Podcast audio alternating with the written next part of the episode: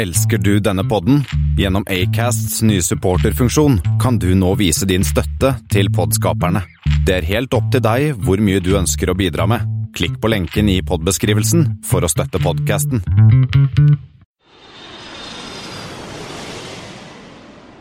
Hei og velkommen om bord på flypodens flight 018, der vi skal snakke om allianser, hvorfor flyselskaper starter allianser og blir med i allianser, og hvorfor vi andre liker allianser. Det har blitt 6. juni, og som vanlig så sitter Christian Kamhaug og Thomas Lone. her og skal nerde med deg neste tre kvarterene.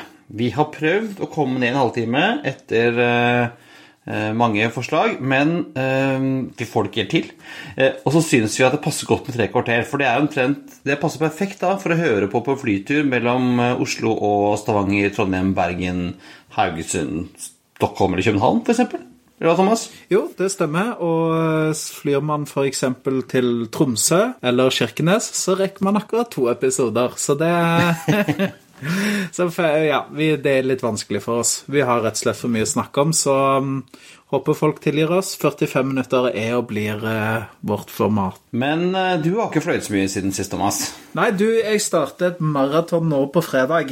Ehm, men jeg hadde også et maraton eh, her tidligere i uka. Var på en lang biltur fra litt nord for Trondheim, ute i havgapet. Så det var en liten ferie i forbindelse med en konfirmasjon, og vi skulle ha med oss reiseseng og masse mikk-makk og sånn. Så da kjørte vi bil fra Mjøndalen til eh, Åfjorden, for de som er lokalkjente i Trøndelag. Ville heller ha flydd, men eh, akkurat nå så var det mer praktisk å dra med bil. Ja, og jeg har eh, gjort det samme. Jeg har kjørt til, eh, til eh, Støtvig hotell på Lagkollen, som er et kjempeflott hotell som jeg vil anbefale. Jeg har vært der et par dager på et uh, kommunikasjonskurs. Kjempefint hotell. Har til og med et eget flyrom, i og med at det ligger i nærheten av eh, Rygge. Jeg fikk så vidt kikke inn der. Det var opptatt for den tiden, men var, der var det bilder av eh, F-86 og litt av hvert forskjellig. Det var litt sånn flytema i det rommet, da. Selv om Rygge er nedlagt, så, eller som passasjerflyplass i hvert fall, så er det jo litt ålreit at de har et litt sånn uh, Ja, at de eh, tar vare på miljøet, og at det er litt, eh, litt flyinteresse i regionen for dem. Ja da. Eh, Og ellers uh, startet dagen i dag med et morgenbad. Det var litt kjølig, men eh, friskt, kan man si. Yes. Det har jo skjedd litt eh, småting siden sist eh, vi var på lufta òg, Kristian. Eh, vi får jo en del e-poster, faktisk. Det dropper inn litt fra fjern og nær. Eh, nå fikk vi faktisk en fra fjern, ganske fjernt òg, som ønska å sponse oss. Eh, vedkommende hadde hørt på den episoden hvor jeg ytra meg eh, hardt og brutalt og bankte meg i hodet og klødde meg i hodet over at vi ikke hadde tilgang til Leham News.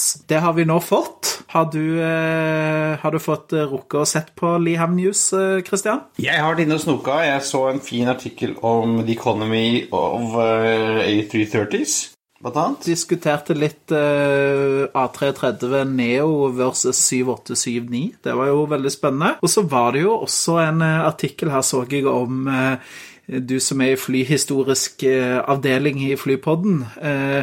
Der eh, Lufthansa fikk litt i det glatte lag eh, for å ha satt den eh, For å pull the plug på den restaureringen av den Lockheed 1649-en. Ja, det var jo han ene kommentatoren der som, hadde, som mente at Lufthansa-ledelsen bevisst saboterte flyhistorien ved å, å slutte med å gi opp det prosjektet og nå plukke flyet fra hverandre igjen og sende det i biter til Tyskland. Eh, jeg syns han tok litt i. Eh, jeg skjønner jo at det der har vært eh, både veldig dyrt og veldig vanskelig og leit at de ikke får det til, men jeg, jeg forstår sånn rasjonalet bak. Det var vel snakk om at de hadde brukt nesten 200 millioner euro så langt på restaureringen. Eh, Sponsorene hadde trådt til med 100 millioner euro, og så hadde Lufthansa selv gått inn med var det vel 90 millioner euro. Så det har gått litt penger i den maskinen, for å si det sånn. Ja, det er var eh, ganske mye mer enn det kosta å bygge den i sin tid, i hvert fall. Det er helt klart. Det er klart når du må dreie og lage alle deler på nytt og etc., etc., så koster det både tid og penger. Ja, så det er synd. Eh, Men altså, vi regner med at det kommer mer eh, nyheter fra Liam News eh, framover. Det jeg skal i hvert fall bruke litt tid i helgen tenker jeg, på å kikke meg, lese meg tilbake i litt eldre artikler, se om det kommer noe nytt spennende som vi kan kommentere her. Det skal jeg òg gjøre, så da kommer vi til å se om vi finner noe å ta opp eh, til neste gang. Og vi må jo takke deg igjen, du som eh, ordner oss tilgang til Leham News. Det setter vi utrolig stor pris på, og det er et veldig nyttig sted, nettsted for å gjøre research til eh, Flypodden. Og han har jo også gitt oss en idé til dagens tema, Thomas.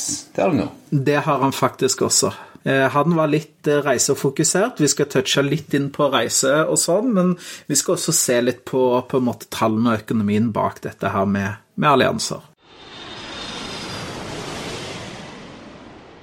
Videre skal vi snakke litt om de, Christian. Nå har det gått seks uker, eh, ganske så nøyaktig, siden de starta mm, innfasingen av Embrar E E190 E2. Det har gått eh, veldig bra. Det er klart de har hatt et veldig eh, ja, skal vi si avslappende program, da. Med Ja, de har ikke akkurat drevet noe rådrift, rovdrift på maskinene sine. Eh, Men eh, ting har gått ganske sånn etter planen. Eh, De har kommet godt i gang. Ja, for Du har jo vært og kikka litt på, på, på Flightradar 24 er det det? For, for å se liksom hva de har gjort med flyet den siste tiden etter at de kom. Og gjort en liten analyse på, på det. Ja, det var jo eh, bare Det var jo ikke noe dyptpløyende analyse, men jeg tenkte å se litt på Har det vært noe snag? Eh, Cirka hvor eh, mange Ja, gjennomsnitt antall legg har man per dag, og snitt på flytid per dag, osv. Så, videre. så hvis dere Hvis noen ønsker å lese den artikkelen der, så legger vi en lenke til den. Men vi kan jo avsløre såpass at dette har jo gått bra, men videre har jo vært utrolig konservative. Kanskje de har lært, sett på Norwegian med innfasing av 787-er og andre flyselskaper som har innført uh, nye modeller i, i sin produksjon, og tenkt at vet du hva, vi tar dette meget rolig, piano. Vi tar dette steg for steg. Det blir ikke noe 100% produksjon her fra dag én. Vi, vi tar det litt steg for steg, og, og det ser man jo klart da på en en, en snittid i lufta på en fem til seks timer eh, per fly. Altså det ene flyet hadde fem timer, det andre hadde seks. Så har man jo ganske mye Det flyet står fortsatt mye på bakken, kan man si, så, si det sånn. Ja, men du skal jo, de crewet bli litt kjent med det, og, og man skal sånn gli ordentlig inn i personene. Så, og det er jo litt sånn som eh, når man setter inn nye, nye større fly, så har du et problem hvis du, hvis du får en snag. Eh, I og med at du ikke har eh, store nok fly til å ta unna passasjerene, så må du være litt forsiktig. da. Og det så vi jo på den eneste kalde situasjonen som har vært. Det var 30. mai, så skulle videre operere Finnair 942 fra Bergen til Helsinki. Og da ca. over Hardangervidda så fikk de noe trøbbel med trykkabinen, så da returnerte de til Flesland, men da hadde eh, den andre maskinen såpass avslappende program at de fyrte opp den og dro av gårde med passasjerene. Kom eh, fram til Helsinki ca. Ja, jeg tror det var rundt tre timer forsinka, og det må jo være veldig greit med tanke på at man faktisk har vært godt på vei til Helsinki, for så å snu og lande, og så nytt fly, og så på veien bort igjen. Så, så all honnør til videre der med at de, de tar ting skritt steg for steg. Eh, Nå er jo snart den tredje maskinen, går det òg rykter om at den eh, er satt sammen, men den har ikke vært ute og flydd ennå. Den er ikke blitt observert flyvende, så det er jo ikke eh, Ja, nå har de snart tre maskiner, så det blir utrolig spennende å se nå til sommeren når de virkelig skal øke programmet med de annonserte jo nettopp Liverpool, de har München, de har Hamburg og de har masse andre spennende destinasjoner fra Bergen. Så nå, nå tipper jeg at vi skal se at eh, disse maskinene skal bli brukt eh, ganske så mye mer. De skal jo sågar helt fly til eh, Antalya for charter for Tyrkia-reiser fra Bergen. Så det blir veldig spennende å se på. Så får vi håpe at det ikke blir noe E2-fast blir det nye, nye ordet i pressen. Ja, ja. Og mens vi er inne, ja, mens vi er inne på, på litt sånn mellomstore jetfly, egentlig, så fikk vi jo et tips her fra en annen friend på Espen Næss, som hadde vært, kommet over en presentasjon som Air Baltic hadde holdt. Hvor de snakker om, om de operative kostnadene ved å fly C-Series, som de jo har vært veldig, veldig happy med. Ja, vi snakket jo litt om, de, om det forrige uke, at det knuser alle reklameplakater. Og, og nå ser det jo visstnok enda bedre ut. Ja, altså, for Her viser de til et, et, et eksempel på Riga-Brussel, eh, hvor de sammenlignet C-Series 300 med, med en Q400. Eh, som jo flyr C-Seriesen flyr jo da 39 minutter raskere, i måten er jet. Eh, men har ifølge Air da eh, operating cost per seat som er 57% lavere enn Q400. Eh, og nå har jeg ikke regnet sånn nøyaktig på det, men det sier meg at det er omtrent totale opp, operative kostnaden da, ved å fly en, en eh, 76-seters Q400 er omtrent akkurat de samme som for en C-Series med 145 seter. Ja, Det er dobbelt så mange passasjerer og nøyaktig samme operasjonelle kostnad. Samme prisen? Ja. Ikke sant? De, altså, nå, jo, nå har jeg ikke sett på hvordan de har regnet igjen liksom, uh, den finansielle kostnaden. Det er jo litt dyrere å eie en, en C-Series enn en Q400, men på de rett operative kostnadene så kan du altså bruke samme, samme antall uh, latviske latt uh, og fly den, en C-Series som en Q400, og da, jo, altså, da hadde jeg valgt det store flyet. For da kan du få inn ganske mye passasjerer i den kjerra og tjene mer penger. Det blir nesten som ta to passasjerer og betale for én. Ja, altså, så, så jeg er altså, tydelig at, at Air Baltic har uh, gjort, gjort noe, et, et, godt, uh, et, godt, valg der man velger C-Series og har tydeligvis leverer den jo mye mye mer, sånn som vi snakket om sist også, mye mye bedre enn det man opprinnelig trodde, og det er jo lover godt for det flyet. Men når kommer ordrene, Christian? Ja, altså det er det, da. For det kommer jo ikke Den, den selger jo ikke som uh, varme, varme eller kald iskrem på en varm sommerdag. Um, jeg lurer på om det kan ligge noen, noen skjulte ordre der, der, At de ligger og venter litt til de nå skal lansere series, uh, relansere C-series som Airbus A3 Nei, A2030. Uh, som ryktene sier, og det kan hende da ville vært en opportun tid å slenge ut noen ekstra ordre. Ja, riktig at de bruker, samlet, bruker lanseringen av på en måte den nye Airbus-maskinen til da, å holde ut en del ordre. Så kan det jo være det er jo Farnborough, det er jo litt sånn diverse flyshow her nå i sommer. Så det kan jo være at vi ser en del ordre som, som kommer nå, i og med at uh, maskinen har kommet i produksjon, leverer så godt. Så skal man ikke se bort ifra at uh, det sitter noen på et podium på et flyshow og undertegner kontrakter. Hadde jeg vært PR-rådgiveren til Airbus, uh, hallo Toulouse, det er bare å ringe, forresten, uh, så hadde jeg selvfølgelig uh, foreslått det. Ta, det, ta liksom, alle gode nyhetene på en gang. Jeg hadde vært for et big bang, hadde jeg vært foreslått. Riktig. Der har vi en oppfordring til våre venner i Toulouse. Som de, hvis de hører på, da burde vi kanskje snakke, hatt en fransk utgave av podden. La pod de aviation. Nei da.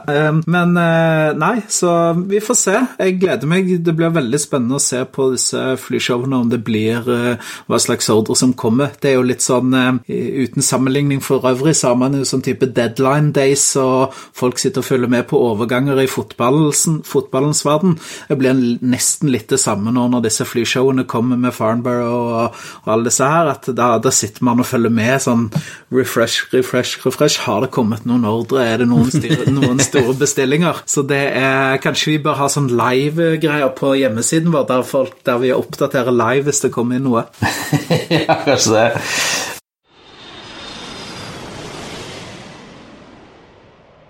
Det er jo storfint besøk som, som, kommer på flyshowene. Det er jo ofte direktører og presidenter fra forskjellige flyselskaper osv.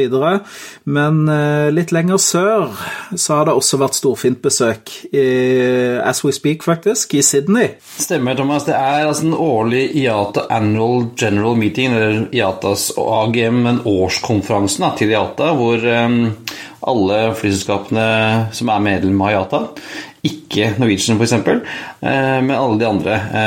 Veldig mange reiser da ned og har noen dagers konferanse, og de møtes og de drikker champagne og de har en del pressekonferanser og, og, gjør ting.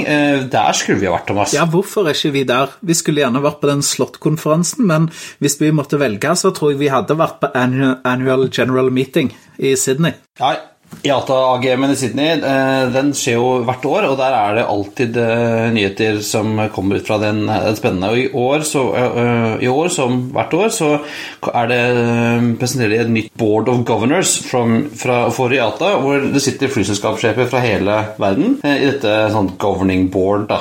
Og vår gamle venn Abu al-Bakar ble valgt til formann for denne edle forsamlingen. Herlig. Da får, du, da får man en løs kanon på dekk. ja, altså det er jo aldri uten kontrovers når, eh, når Al-Bakar er med. Og på den pressekonferansen hvor han ble presentert som den nye presidenten for, eh, for, dette forumet, så sa han at en av de tingene han skulle jobbe, jobbe med framover nå, det var å ikke si noe kontroversielt. Eh, og da sa Alan Joyce, som er CEO i Quanta, som også sitter i dette, dette panelet Han sa et eller annet som at ja, good luck with that, sa han. ja, det blir jo spennende, da. Bakar skal jo sitte der, der med f.eks. sånn som eh, vår eh, gode venn, eh, holdt jeg på å si, Rikard Gustavsson i SAS, eh, ble jo også valgt inn i år, gjorde han ikke det? Jo da, det sitter ganske mange. Og et av temaene i år var likestilling i luftfartsbransjen. Eh, og under den pressekonferansen så ble det påpekt at det var kanskje ikke så veldig likestilt dette uh, Board of Governors, for der satt jo bare menn, bortsett fra én kvinne som jeg kunne se, uh, Christine Aumier Videner, som er CEO i Flyby. Og så kommenterte jo en av journalistene dette overfor for Al-Bakar og sa jo at også Qatar Airways ble ledet av en mann. Og da svarte jo Al-Bakar, eh, og jeg siterer Selvsagt må det ledes av en mann. Det er jo en veldig krevende posisjon. Og han skulle da, han skulle da bruke tiden sin fremover på å ikke si noe kontroversielt. Ja, og det ble jo møtt med buing. Vi har jo et, et klipp vi kan spille, spille etterpå. Og, da, eh, og han, Alan Joyce da svarte jo selvfølgelig da også at å ja, det holdt jo i ca. ti minutter, da. Al-Bakar. Så ja, han, eh, Så, um, han er en fargeklatt. Ja, det må han jo si, men det er jo, er jo et, et, problem som man har pekt på, da, i at i, i flybransjen så er det veldig mange menn. Eh, det finnes jo, så Hvis man ser på totalen antall ansatte sånn, i selskapene, så er det jo eh, ikke så skjevfordelt, men når det kommer til ledelsen, så er det nesten bare menn. Det finnes jo nesten ingen eh, kvinnelige ledere. Eh, EasyJet tror jeg har en kvinnelig leder nå, men hun er ikke med for at EasyJet er ikke med i IATA. Eh, og et, etter liksom, at den der ble plukka opp, så måtte jo Al-Bakar ut og unnskylde seg og si at det var ikke det han hadde ment, og han er opptatt av kvinner. og eh, etter at en tredjedel av ansatte i Qatar Airways er jo kvinner og sånn, da. Men eh, sånn skaden var det på en måte litt gjort, og jeg tror han Det, det føltes som han mente det mer når han sa Eh, at det måtte være en mann som drev selskapet, enn når han sa Skal man se det litt i sånn kulturell kontekst, så, så har jo kanskje Midtøsten litt lengre vei å gå da, enn en f.eks. Nord-Europa, Australia, sånn når det kommer til, eh, til, kvinner i ledende posisjoner. Så det er jo det er ikke unaturlig at eh, man kan si at han Al-Bakar kom med den kommentaren. Han burde jo kanskje visst bedre, for han er jo ingen dum mann. Men eh, ja, det sitter vel kanskje sånn i ryggraden på ham at det bare, det, det bare kom, kom naturlig. Ja, og jeg tviler ikke på at han mener det heller, så Eh, ukens tema, Christian. Du introduserte det jo litt tidligere. Eh, vi fikk et eh, spørsmål eh, på mail om vi kunne snakke litt om allianser. Eh, sånn som jeg tolker det spørsmålet, så var det jo mest sånn i forhold til fra kundens ståsted. Eh, det kan vi jo gjerne snakke litt om. Men vi ønsker jo også litt å se på tallene bak. og litt på historikken i forhold til allianser, og hvorfor har man eh, flyallianser? Det er jo veldig eh, Kanskje litt unikt for flyselskapene å gå i, i, så tett samarbeid. Man ser ikke det innenfor andre bransjer eh, på samme måte, så Ja, og det har jo sin naturlige forklaring. For de fleste andre bransjer så, så skjer konsolidering gjennom oppkjøp og fusjoner. Så man har jo verdensomspennende eh, kjeder med hoteller og leiebiler og sånn. Eh, fordi at man har kjøpt opp og man har fusjonert og man heter det samme over i, i, i forskjellige, forskjellige, land. Men flybransjen har jo um, av en eller annen grunn eh, mest historisk en sånn en eierskapsbegrensning. Man kan jo ikke som europeisk selskap eie et flyselskap i, i USA f.eks. Eller eh, som asiatisk selskap kan du ikke eie et europeisk flyselskap.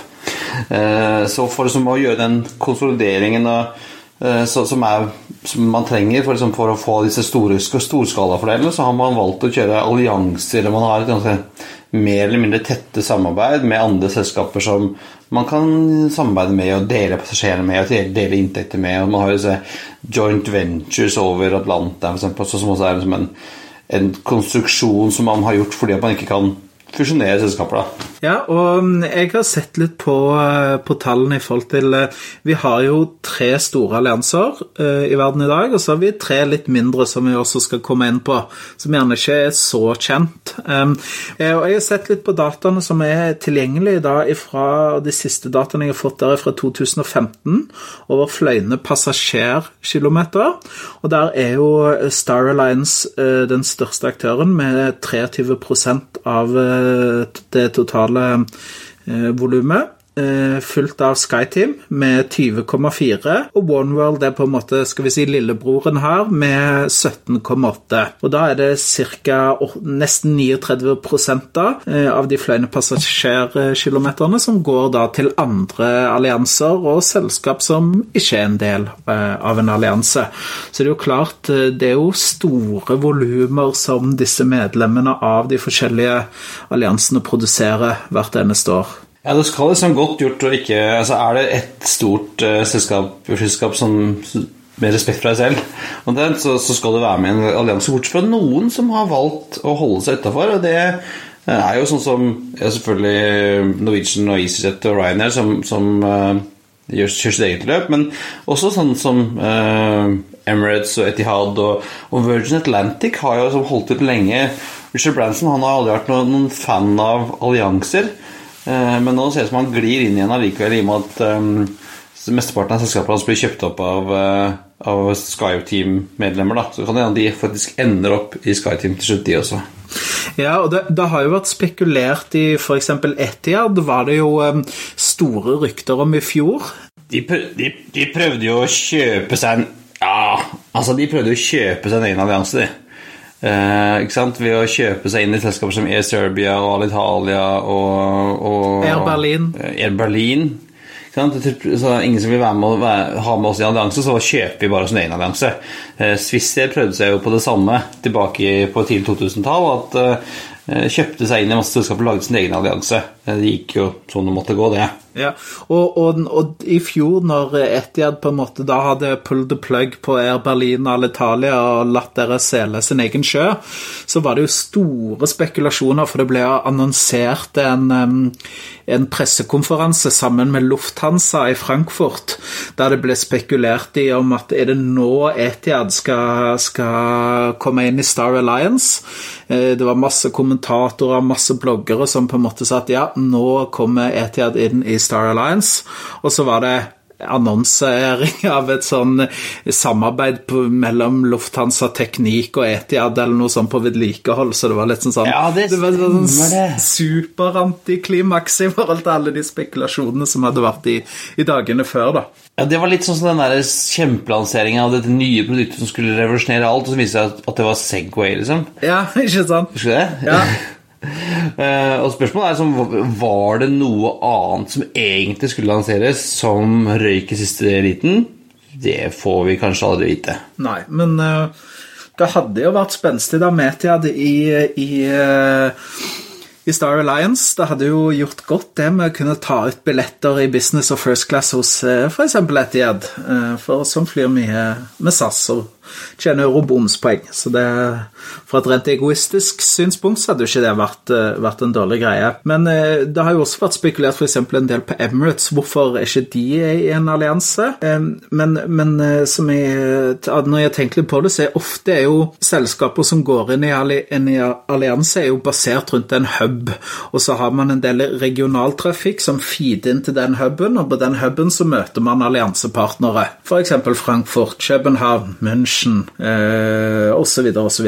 Eh, men Emirates er jo nesten en allianse i seg selv, i og med at de bare har longhaul-trafikk, nesten utelukkende. Så de feeder jo egentlig all trafikk både fra fjern og nær inn til sin hub, og så trykker de den videre ut igjen. Så det er kanskje lite interesse, eller så lite eh, ja, altså motivasjon da, for Emirates for å gå inn i en allianse, i og med at de har en ganske så skal vi si, annerledes operasjon da enn mange av disse tradisjonelle eh, flyselskapene som, som er i allianser i dag. Ja, og så koster det jo litt å være med i en allianse, og så må du tilpasse deg, og så må du gi fordeler eh, til alliansepartnere som gjør at, at, du og jeg som har eh, gullkort på SAS, kan eh, gå inn i gulllunsjen i Frankfurt eller i United sin i Houston f.eks. Eh, det er jo ikke sikkert at, det, at, man vil gi bort den type fordeler til andres passasjerer, da. Så, og, og Emirates klarer seg godt alene. Jeg, tviler på altså, Det er nok som man sa, man har jo Qatar Airways, som er medlem av One World, og så har man Etiad, som er spekulert kanskje de joiner en allianse. Star Alliance har vært spekulert, men jeg tror Emirates eh, de står så godt på egne bein at eh, de, de tror jeg eh, vil se lenge etter, etter det å gå inn i en, en allianse. Eh, hvis vi ser litt her nærmere på eh, litt, eh, mer mot vår egen navle, så jo, har det jo vært spekulert i både i Dagens Næringsliv og andre om Norwegian faktisk skulle gå inn i en allianse. Men det har jo vært litt fram og tilbake, og, og Kjos har jo vært ute og nekta dette, for dette er konsekvent. Men ser du noen fordeler Christian, f.eks. For, for Norwegians en del i forhold til det å kunne gått inn i en allianse? Hadde det passa de? Altså, Den måten som de nå mer og mer blir et altså, Vi har snakket om det tidligere med, med uh, hvordan forretningsmodellene glir litt over, over, i hverandre. og Norwegian nå med, med long haul og premium economy og alt mulig, så, så ligner de jo mer og mer på et hva skal vi si, vanlig flyselskap. Um, og nå hvis det, og Fordelen med å være i allianse er at du har jo muligheten til å sende passasjerene dine uh, via alliansepartnerne hjem hvis du, hvis du blir kjosfast da eller et eller annet. Så, um, så, det er jo visse fordeler. Du får et større nettverk, du kan liksom, selge mer uh, på andre selskaper samtidig. Uh, vi har jo snakket litt om det at når du flyr kanskje bare tre ganger i uken til en destinasjon på long hold, så kan det være greit å kunne kombinere det med alliansepartnerne. Eh, slik at du får et større, et større nettverk, et større, en bedre tidtabell. Hvis vi, hvis vi skulle spekulert litt, da Hvilken av de tre store alliansene kunne du sett for deg eh, Norwegian går inn i? Altså, Vi kan jo nok si der at Star Alliance hadde nok vært utelukket i forhold til SAS. Men eh, i forhold til SkyTeam og One World, da, eh, ser du noen åpenbare valg der? Det kommer jo litt an på hva som skjer med IAG. For eksempel, hvis IAG kjøper Norwegian, så er det jo rett inn i One, World. Det er ganske, vil jeg tro, ganske naturlig. Men en sånn som Eh, SkyTeam eh, trenger jo også eh, den type destinasjoner som Norwegian kan, kan, by på. Norden f.eks. SkyTeam er jo ganske bortsett fra alle flyvningene til KLM fra, små, fra diverse byer i Skandinavia, så har de jo ikke noe lokal feed i, i Norden, som, som OneWorld har med Finner og, og Star med SAS. Så, sånn sett kan jo SkyTeam funke godt også.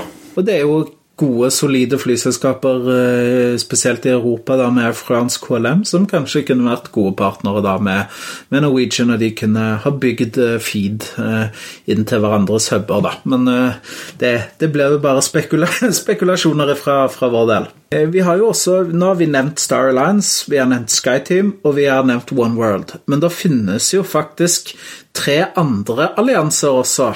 En som heter Value Alliance, en som heter Ufly Alliance, og en som heter Vanilla Alliance.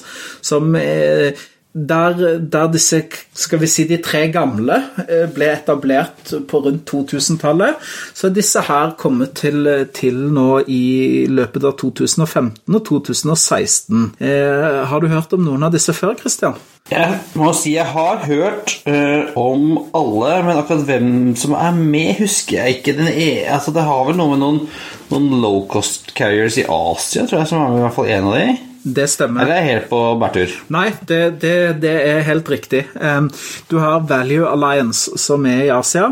Uh, der de, det er åtte asiatiske flyselskaper uh, som uh, ja, er litt sånn småkjent. Cebu Pacific, eh, Sebgo, Yeyu Air, Nook Air, Nook Scoot, Scoot, Tiger Air Australia og Vanilla Air, sammen med Tiger Air, eh, som ble til Scoot. Ja, så, så, er det åtte da sånn typiske low cost carriers som har slått seg sammen eh, og danner en allianse da i Asia. Og de slagordet er Asia Pacific's Best Value Airlines. Så, så, du har da to flyselskap fra Filippinene. Et fra Sør-Korea, to fra Thailand, et fra Singapore og Australia og Japan. Så det er liksom godt spredt over hele det asiatiske kontinentet, da. Så, så det er Og de, de har blitt ganske store, kan du si. Da. Altså de, de, de, når 183 flyplasser i 30 land og har ca. 92 millioner årlige passasjerer. Altså, dette er langt under de tre store, men det, det er den fjerde største, og de, de driver nå på der. De har, sånn som jeg har sett, så har det ikke noe Det er ikke det man typisk forbinder med en allianse à la Star Alliance, at de har medlems... Um, sånn type nivåer med Star Alliance Gold eller One World Sapphire osv. Det er mer et rent, sånn som jeg ser det, et kommersielt samarbeid. Ja, de selger vel billetter på hverandres nettsider og sånn, ikke sant? Jo, og, og, de har en portal, Value Alliance, kan du gå inn og booke Eh, reiser gjennom den da, på disse flyselskapene. Da. Eh, og de har en felles route-map og ja, litt sånn forskjellige typer ting. Så det er mer et rent kommersielt samarbeid enn skal vi si et operasjonelt samarbeid. Eh, det er mer på den merkantile siden og ikke den operasjonelle siden. Og det samme er det jo egentlig med, med de to andre, Ufly Alliance, der det er fem medlemmer. Eh, og der er det egentlig kun Ja, det er tre selskaper fra Kina. De kinesiske selskapet Lucky Air, Umkuier Og de er vel alle Hainan-selskaper, som jeg ikke husker feil? Ja, det stemmer. Eh, det tror jeg òg. Både Urumkui og West Air er vel også Hainan-selskaper. Eh, og så er det Hongkong Express ut fra Hongkong. Og så er det E-Star Jet i Sør-Korea. Så det er Og de har holdt på nå i knappe to år, så de, de har tilbyr ca. 44 millioner seter og årlig 18 land, 150 flyplasser. Og ja, så det er 130 fly i, i, i lufta. Så det er jo eh, Denne alliansen her ble vel også lagd som et mer Eh, kommersielt samarbeid. Pga. at det var noen utfordringer med lover og regler i Kina, sånn som du vender på, som sier noe om hvor eh, mange flyselskaper eh, som i en gitt region som har lov til å slå seg sammen. Så, så det var egentlig en del av disse flyselskapene som ønska å slå seg sammen, men de fikk ikke lov til det. Og det som er riktig som du sier, at alle de fire som starta, Hongkong Express, Lucky Air, MQIR og West Air, er jo alle disse Hainan-selskapene.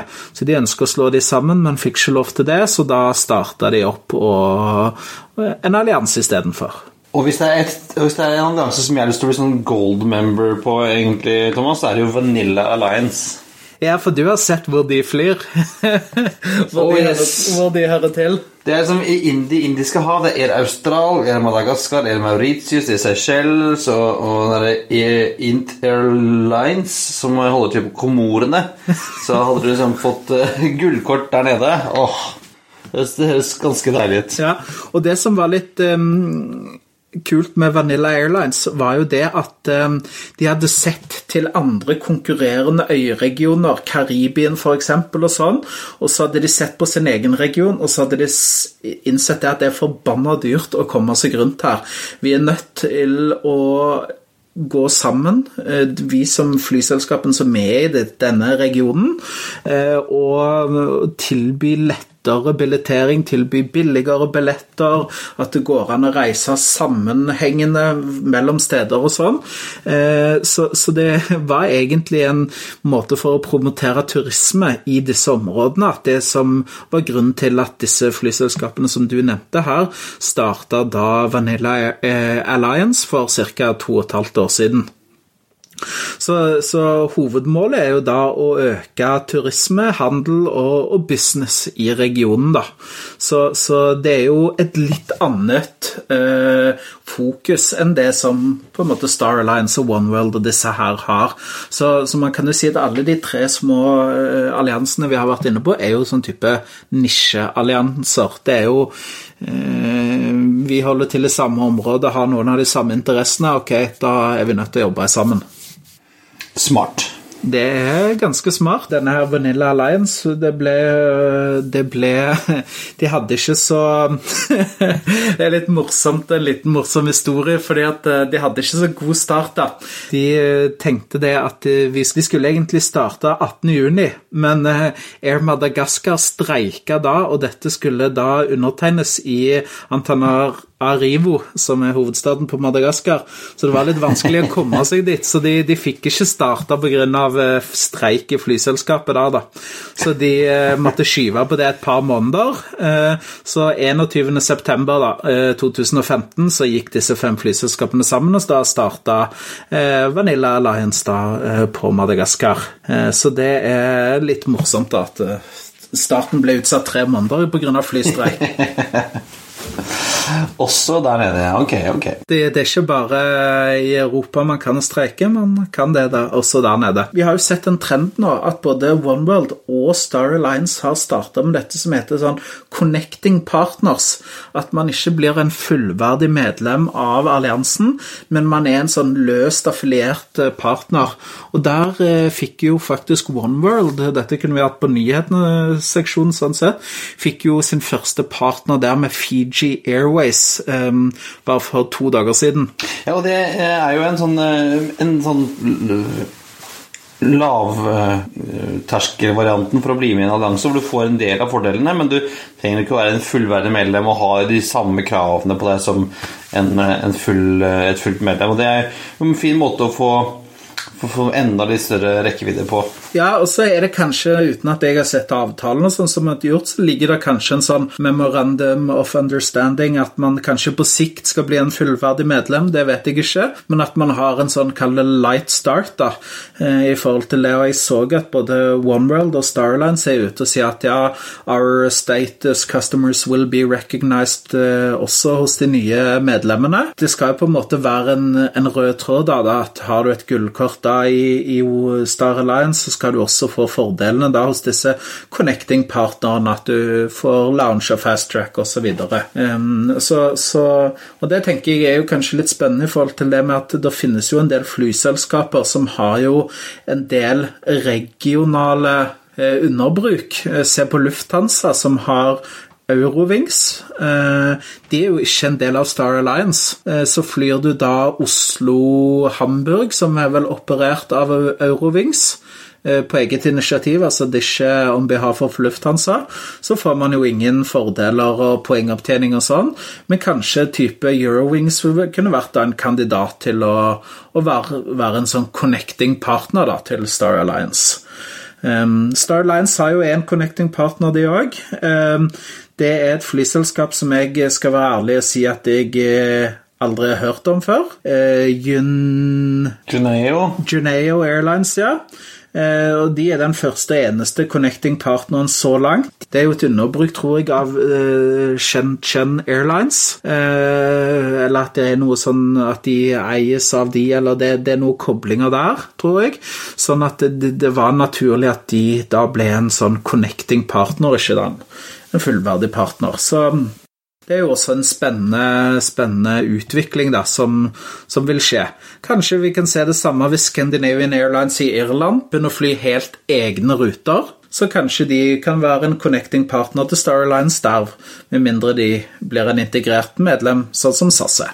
Ja, det er spennende, spennende greier. Um, og, og, nå har jo altså, SAS, eller Star Alliance kommet ut med en pressemelding nå fra uh, AGM-en i, i Sydney, hvor de snakket om at de nå ikke ville ta inn noe særlig flere medlemmer. De skulle konsentrere seg på å gjøre reisen mer sømløs. og Det er jo det som er fordelen for oss som passasjerer eh, med disse alliansene, at man kan reise mye mer sømløst mellom selskapene. Eh, når jeg reiste til Romania tidligere i år med SAS til Amsterdam, og så Tarom videre til Bucuresti, som er SkyTeam-medlem, så merket jeg at det gikk ikke så greit. Bagasjen Vi kom ikke frem engang. Men det var sånn, jeg måtte få nye boardingkort da jeg kom til Amsterdam. Og det var, sånn, det var litt mer styrete enn om jeg hadde reist hele veien med SAS Lufthansa eller SAS Austrian f.eks. Ja, så, så det, jeg tror nok det er riktig det de gjør, at fokusere på å gjøre reisen mer sømløs. Um, det, det, tror jeg er veldig godt, uh, godt trekk, egentlig. Eh, jeg tenker Sist, i forhold til dette med allianser, så må vi snakke veldig kort om og Da har jeg en anbefaling i forhold til dette med allianser. Vi fikk jo et spørsmål. Eh, hvilken allianse bør man være medlem av, eller hvilke eh, flyselskaps bonusprogram for å opptjene i de forskjellige alliansene og sånn. og da, da tror jeg egentlig jeg har ett et generelt råd, det er det å være medlem i det flyselskapet der man flyr mest. Uh, uavhengig av allianse. Man må se på sitt eget reisemønster og se på hvor flyr man, uh, hvor får man greie priser, hvor får man greie connections, hvor får man uh, god uttelling. Og, og, flyr man mye, så, så, så, tjener man seg opp fordeler egentlig uavhengig av allianse, om det er SkyTeam, eller om det er One World, eller om det er Star Alliance. Så det tror jeg må egentlig være min korte oppfordring på slutten her, for de som lurte på det. at gå for, det, gå for, den alliansen som på en måte passer deg best, og er nærmest der du bor og flyr mest rundt der eh, du flyr fra. Det er ganske kjedelig å være med, være, ha, ha liksom, så satse fullt og helt på SkyTeam hvis du bor i Tromsø. Liksom. Da kan du ikke få brutt de poengene på noe særlig. Nei, nettopp. sant? Og, og, du må jo alltid ha deg en, som regel en hopp eh, til Oslo eller eh, andre steder for å komme deg videre ut. Så da kan det jo kanskje være greit å gjerne være medlem hos SAS eller et annet Star Alliance-selskap som gjør at du får gullstatus og osv. hvis man reiser mye. da. Og eh, nå kommer vi til en av mine favorittposter, Thomas. Det er jo det Flypodden anbefaler. Og du har en ting du vil anbefale i dag. Ja, eh, det vil jeg. Eh, mange av de som er flynerder, har jo gjerne en sånn nøkkelring som sier eh, som er sånn rød og sier 'remove from air, 'do not remove from aircraft', eller og så er det gjerne noe reklame på den andre siden, eller noe sånt. Men jeg eh, tenker det at kanskje vi bør eh, gå litt eh, mer historisk til vers til verks i, i, forhold til nøkkelknippene våre. og der er det mm, noen en nettside som heter aviationtag.com, som jeg vet ikke helt hvordan de gjør det, om de kjøper hele flyet, det tviler jeg på de gjør, men de kjøper i hvert fall skrapmetall fra gamle fly som har blitt hugga opp, og så lager de nøkkelringer av det. Og det er en av de siste nøkkelringene de har fått inn for salg, er faktisk eh, en gammel 737 600 eh, som heter Elisabeth Viking, som var en SAS-maskin. Som ble hugd opp i fjor. Og da har de kjøpt litt aluminium og lagd nøkkelringer av det. Eh, og det er et begrenset antall. Det er mm, sånn som denne her er trykt opp i 5500 eksemplarer.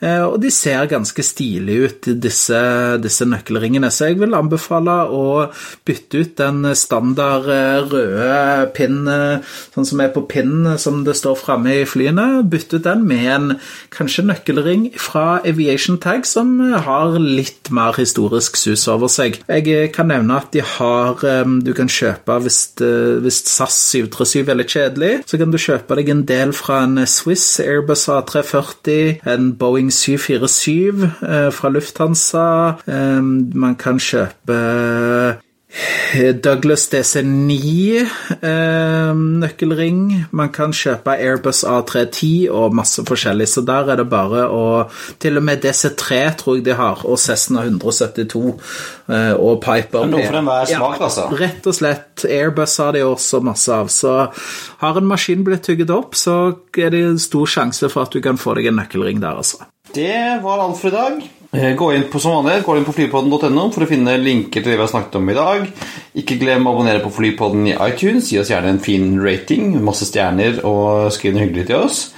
Du finner oss som alltid på Twitter at Flypodden, på Instagram at Flypodden, på facebook.com slash flypodden. Og har du tips eller spørsmål, vil være gjest eller sponse oss, da sender du oss en mail på hallo at flypodden.no. Og i løpet av sommeren Christian, så skal du eh, ta en tur med en 737-kaptein du kjenner, og intervjue han om eh, hans jobb og hans hverdag. Så dersom du har spørsmål til en 737-kaptein, så er dette din sjanse å få svar på det. Send de inn til halloalfakrøllflypodden.no. Takk for nå, og velkommen om bord neste uke. We thank you for flying with us today. We truly appreciate your business and look forward to serving you on a future flight.